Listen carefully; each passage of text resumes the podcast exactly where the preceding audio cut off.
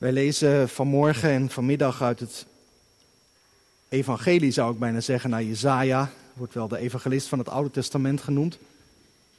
We lezen vanmorgen Jezaja 25, versen 6 tot en met 9. Het gaat daar over een maaltijd die wordt aangericht. We lezen Jezaja 25, 6 tot 9 en daarna nog het evangelie van Lucas, hoofdstuk 14, vanaf vers 15.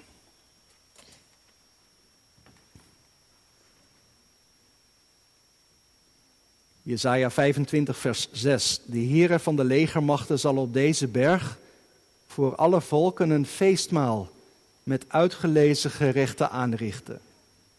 Een feestmaal met gerijpte wijnen, met uitgelezen gerechten vol merg, met gezuiverde, gerijpte wijnen. En hij zal op deze berg verslinden de sluier waarmee het gezicht van alle volken omsluierd is. En de bedekking waarmee alle naties bedekt zijn.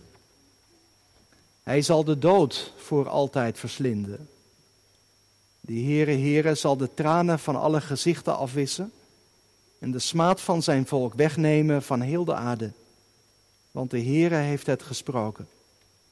Op die dag zal men zeggen, zie, dit is onze God. Wij hebben hem verwacht en hij zal ons verlossen. Dit is de Heere, we hebben hem verwacht. Wij zullen ons verheugen en verblijden in zijn heil. Tot zover de eerste lezing. We lezen nu het evangelie naar de beschrijving van Lucas, hoofdstuk 14, vanaf vers 15. De setting van hoofdstuk 14, daarvoor zou je eigenlijk even moeten kijken naar het eerste vers waar Jezus op bezoek is uh, en ook aan de maaltijd is uitgenodigd. En daar vindt een gesprek plaats aan de maaltijd. En daar lezen we dan een stukje van. Toen een van hen die mee aanlagen aan de maaltijd deze dingen hoorde, zei hij tegen hem: Zalig is hij die brood zal eten in het koninkrijk van God. Maar hij zei tegen hem: Een zekere man bereidde een grote maaltijd en nodigde er velen. En hij stuurde zijn slaaf erop uit tegen de tijd van de maaltijd om de genodigden te zeggen: Kom, want alle dingen zijn nu gereed. En zij begonnen zich één voor één te verontschuldigen. De eerste zei tegen hem: Ik heb een akker gekocht, ik moet er nodig op uit om die te bekijken. Ik vraag u, houd mij voor verontschuldigd. Een ander zei: Ik heb vijf span ossen gekocht en ik ga erheen om ze te keuren. Ik vraag u, houd mij voor verontschuldigd. En weer een ander zei: Ik heb mijn vrouw getrouwd en daarom kan ik niet komen. En die slaaf kwam terug en berichtte deze dingen aan zijn heer. Toen werd de heer des huizes boos en zei tegen zijn slaaf: Ga er snel op uit naar de straten en stegen van de stad en breng de armen en verminkten en kreupelen en blinden hier binnen. En de slaaf zei, Heer, het is gebeurd zoals u bevolen hebt en nog is er plaats. En de Heer zei tegen de slaaf, ga erop uit naar de landwegen en heggen en dwing hen binnen te komen, opdat mijn huis vol wordt. Want ik zeg u dat niemand van die mannen die genodigd waren, mijn maaltijd proeven zal. Tot zover lezing uit de Bijbel. Dit zijn de woorden van God. Amen. Het gaat in het bijzonder over Jesaja 25.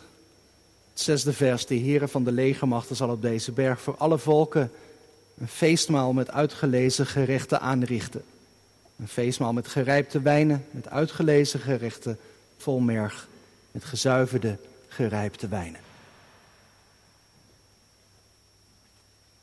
Broeders en zusters, thuis met ons verbonden, hier samen in de kerk, gemeente van Christus. Als wij iets te vieren hebben, dan doen wij dat vaak met een etentje. Een bruiloft, een jubileum op je werk, een promotie, een lustrum. Een etentje heeft iets feestelijks. En dat is bij ons zo, maar dat was ook al zo in het oude Israël. Misschien daar nog wel in sterkere mate dan bij ons. De maaltijd die vormde daar een heel centrale plek in het leven van de gemeenschap van Israël. Het valt op hoe vaak er in de Bijbel wordt beschreven dat mensen samen eten. Als je één of meer gasten kreeg, dan werd er gelijk een feestmaal aangericht. Ik denk dat we allemaal ook wel die geschiedenis kennen van Abraham die drie mannen op bezoek krijgt. En dan wordt er gelijk een kalf geslacht. En dan is er brood en boter en melk. In die tijd heel bijzonder allemaal. Alles wordt om zo te zeggen uit de kast getrokken. Om de gasten te verwelkomen. En het goed. En zorgen dat ze het goed hebben. Gastvrijheid was ondenkbaar zonder het aanbieden van een maaltijd. Dat gold niet alleen tussen mensen, maar ook in de omgang van God met mensen. Een heel bijzondere tekst in dit verband is Exodus 24. Daar lees je dat Mozes, Aaron en de 70 oudsten door God worden ontvangen op de berg Sinaï. Die berg waar God zijn geboden heeft gegeven, waar hij het verbond met Israël heeft vernieuwd. Hij ontvangt aan Mozes, Aaron en 70 oudsten. En staat er dan, zij aten en zij dronken. Dus in aanwezigheid van God wordt een maaltijd gevierd. En later gebeurde dat ook voortdurend in de tempel. Als je op bezoek kwam in het huis van God, in de tempel, dan werd je door God onthaald op een feestmaal. Offermaaltijden, dat waren momenten waar Israël zijn hart kon ophalen aan de goedheid en de gastvrijheid van God. En ik blijf nou niet voortdurend teksten noemen hoor, maar Deuteronomium 12 moet je nog maar eens kijken. Daar gaat het over die offermaaltijden. En daar, daar, daar wordt vooral benadrukt dat het een heel feestelijk gebeuren was.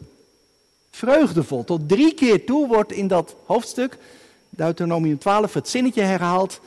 Daar moet u voor het aangezicht van de Heere uw God eten en u verblijden. Feestelijk gebeuren. Zo'n maaltijd in aanwezigheid van God. Nou, neem dit allemaal even in je achterhoofd mee als we nu wat inzoomen op Jezaja 25. Want daar gaat het dus ook over een maaltijd, een feestmaal. Dit gedeelte maakt deel uit van de hoofdstukken 24 tot en met 27. Zeker het eerste deel van Jezaja, zeg maar van hoofdstuk 1 tot hoofdstuk 39, dat bevat heel veel oordeelsprofetieën. Maar in die hoofdstukken 24 tot en met 27 wordt ook vooruitgekeken naar hoe God het zal gaan maken. Ook hele mooie beloften klinken daar. Klinken daar. Wordt ook wel de kleine apocalyps van Jezaja genoemd, die vier hoofdstukken. Het gaat over het plan van God met Israël, zijn volk vanaf het begin, maar ook zijn plan met de volkeren. En dat plan van God, zegt onze tekst van morgen, dat plan van God, dat loopt dus ook uit op een maaltijd. Een feestelijke maaltijd waarvan God zelf de gastheer is.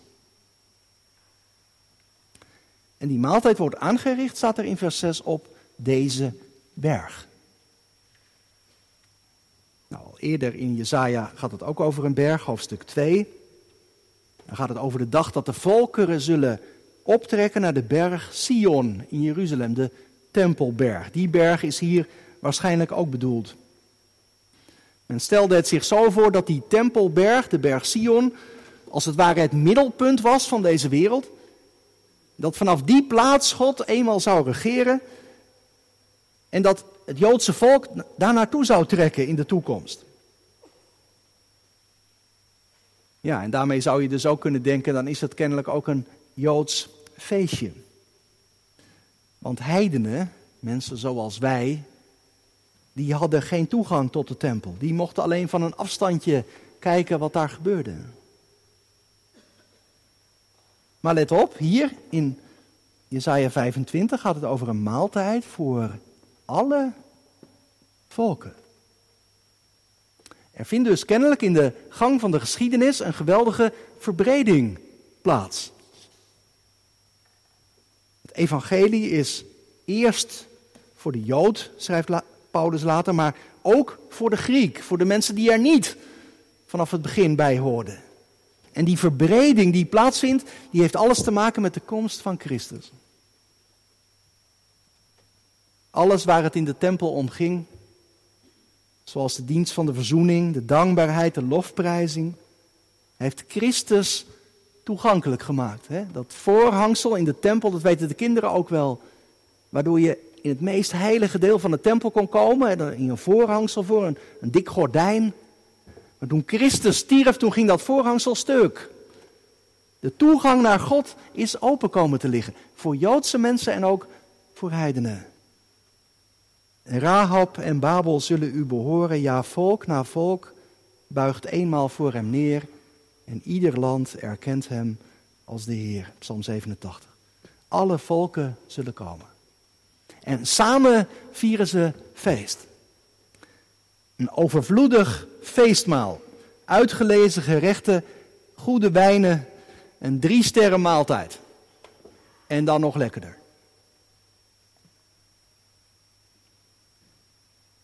Alleen, als je goed kijkt, dan zie je dat de mensen die uitgenodigd zijn, helemaal niet zo blij zijn. Als je naar een feest gaat, dan trek je je mooiste kleren aan. Misschien wel nieuwe kleren gekocht. Om de feestvreugde te vergroten. Maar in vers 7, daar is sprake van een sluier en een bedekking. Je moet dan denken aan rouwkleding. Dat is best apart. De profeet die ziet de volkeren dus komen gehuld in een rouwgewaad. Apart idee dat ze zo naar het feest gekomen zijn. Het heeft iets van een feest waar je eigenlijk niet onderuit kunt. Maar je hoofd staat er totaal niet naar. Er zijn dingen die je zo in beslag nemen dat je helemaal geen feest kunt vieren. Hier zijn het de rouw en het verdriet die het feest in de weg staan. De macht van de dood. Jezaja ziet de mensen komen in rouwgewaad. Zo zichtbaar is dat bij ons meestal niet meer. Vroeger liepen mensen soms heel lang in het zwart als teken van de rouw. Tegenwoordig is dat vaak minder zichtbaar aan de buitenkant. Maar je zou kunnen zeggen, Jezaja die peilt hier wel heel diep. Want hoe vaak is het niet dat de gebrokenheid van het leven zich aan ons opdringt? Dat het leven een halt wordt toegeroepen door de dood. Soms komt dat bij je binnen door, door wat je ziet op televisie. Beelden die zomaar bij je binnenslaan als je mensen ziet vluchten voor terreur. Een aanslag, een natuurramp. Asielzoekers die buiten in de regen moeten slapen. Een familielid dat een ernstige boodschap hoort. Ik moest ook denken aan dat bericht deze week in het nieuws dat heel veel jongeren rondlopen met gedachten aan zelfdoding. Eén op de zes jongeren tussen 12 en 25. Misschien jij wel. Wat kun je ellendig voelen Intens, intens alleen. Nou, de profeet Jezaja die ziet de mensen komen gehuld in een rouwgewaad. Ze verkeren allemaal, om zo te zeggen, in de greep van de dood. Ze konden die uitnodiging voor het feest niet naast zich neerleggen, maar er is een diepe scheur geslagen en die maakt echt feestvieren lastig. Maar, zegt Jezaja dan hier, dat wordt anders. Want God, zegt hij, zal dat rouwkleed vernietigen. Hij zal de rouwsluier stuk scheuren. Hij zal hem verslinden, staat er zelfs. Daar zit iets in van God zal de dood teniet doen. Opeten. Er blijft niks van over. De dood wordt vernietigd. De dood is verslonden tot overwinning, zegt Paulus later in het Nieuwe Testament. Er komt dus een eind aan het dragen van rouwkleren. Een eind aan verdriet, aan moeite en pijn, aan gedachten dat je het leven niet meer aan kunt en niet meer wilt. God zal de dood voor altijd verslinden. En niet alleen dat, ook de gevolgen van de dood neemt hij weg. Hij zal de tranen van de ogen afwissen, staat er ook zo'n prachtige tekst. Zoals jouw moeder dat doet. Als je hard gevallen bent op straat, Misschien weet je dat nog wel zelf van toen je kind was. Dat je pijn hebt, verdriet en dan nam je moeder je op schoot. En ze droogde je tranen en ze zei, wees maar stil. Nou, zo, zo doet God. Hij neemt ons bij zich, hij laat ons uithuilen en hij veegt daarna de tranen weg. God die troost, zoals een vader, zoals een moeder. Troost, troost mijn volk, klinkt het later ook in Jezaja, bij dat tweede deel, hoofdstuk 40. En bij mijn volk, troost, troost mijn volk, mag je inderdaad allereerst aan Israël denken. Als er één volk op deze wereld is dat weet van tranen, van lijden, van vervolging, van spot, dan Israël. God zal de smaad, staat er in vers 8, de smaad van zijn volk wegnemen. Verdrukking en vervolging, spot en terreur, die zullen een einde hebben. Maar dus niet alleen voor dat ene volk. Want bij God gemeente is overvloed. Iedereen is welkom op het feest. Kom, alle dingen zijn gereed, laten wij in Lucas 14. God beperkt zich met zijn uitnodigingsbeleid niet tot dat volk waarmee hij ooit is begonnen. Maar ook Filistijnen en Amorieten en Grieken en Romeinen en Kelten en Franken en Chinezen en ook Nederlanders. Allemaal mogen ze delen in de belofte die hier staat opgetekend. Om voor altijd met de Heer te zijn. Een einde aan rouw en verdriet. Deelnemen aan het feestmaal. Ik realiseer me dat dit grote woorden zijn. En laten we eerlijk zijn, er is hier en nu nog maar weinig te merken van dat feest. Een overvloedig feestmaal, de dood die wordt vernietigd, God die de tranen afwist. Misschien zit je wel te denken, dat is te mooi om waar te zijn. Is het wel echt waar? Nou, gelukkig worden zulke vragen in de Bijbel zelf ook gesteld. Ik denk aan twee mensen die het ook niet geloofden. Je leest erover in het Evangelie van Lucas. Ze waren volgeling van Jezus geweest. Maar aan het einde van hun leven was de droom stuk geslagen, want Jezus was gestorven. Wij dachten, zeggen ze, wij dachten dat Jezus het was die Israël zou verlossen. Niet toevallig, ik weet niet of je dat merkt hoor, maar in vers 9 van Jesaja 25 staan bijna zelf, bijna letterlijk dezelfde woorden die die Emmausgangers op de lippen nemen. Wij dachten dat hij het was die ons zou verlossen. Maar Jezus is dood. En zelfs als Jezus zich dan als de levende bij hen voegt, kunnen ze de omslag nog niet maken. De rouwsluier die zit nog voor hun gezicht. Totdat, totdat ze aan tafel zitten. En Jezus zelf als gastheer het brood aanreikt. Dan wordt de sluier afgerukt. Dan worden hun de ogen geopend en dan, dan komt er ook bij hen de blijdschap en de vreugde. Jezus is opgestaan en zijn koninkrijk zal komen. Hij zal de dood verslaan en alle tranen afwissen. Wij vieren vanmorgen met elkaar het avondmaal. Christus is onze gastheer. Hij nodigt je, hij deelt brood en wijn. En nee, veel is het niet. Maar zie het als een voorgerecht. Brood en wijn wekken in ons het verlangen naar het feestmaal dat komt.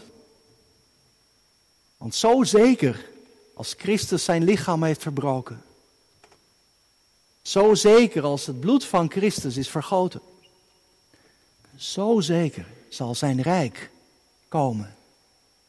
Brood en wijn als een voorgerecht, als iets dat je smaak opwekt. Dat je verlangen naar de grote dag van Christus doet groeien. Ook in ons avondmaalsformulier komen we dat zo weer tegen. Wij mogen in de viering een voorsmaak genieten van de bruiloft van het Lam. En met groot verlangen uitzien naar de komst van Christus. Als Hij de wijn met ons nieuw zal drinken in het koninkrijk van zijn Vader. Gemeente, als God ons nu zo lief heeft. Als Hij dit allemaal voor ons heeft overgehad dan kun je de uitnodiging om te komen toch niet afslaan. Ik sluit af met de woorden van een lied dat ooit door Willem Barnard bij dit gedeelte werd gedicht. De Heer richt op zijn berg een maaltijd aan, van spijs en merg, van uitgelezen wijnen. Van heinde en verre zal men aan tafel gaan. De Heer is gul en goed voor al de zijnen. Gezuiverd en belegen is de wijn, zo rood als bloed, gerijpt tot heil en zegen. Op deze berg zal het feestelijk toeven zijn. Hier leidt de Heer ons heen, langs alle wegen. Op deze berg neemt hij de sluier weg, waar alle volkeren mee zijn omwonden. De duisternis zal worden afgelegd, geheimen opgeklaard, boeien ontbonden. Wij treden aan het ontoegankelijk licht. Wij volkeren, wij heidenen, wij mensen. Wij zien het leven zelf in het gezicht. God haalt ons thuis, van achter alle grenzen. En Hij, het leven zelf, verslindt de dood tot overwinning en van alle ogen wist Hij de tranen af. Het ochtendrood gaat stralend op, een opgang uit de hoge. Dit zeiden zijn profeten in de geest. De bankring van de dood zal zijn gebroken. De smaad van Israël wordt uitgewist. Zo zal het gaan, want zo heeft hij gesproken. Amen.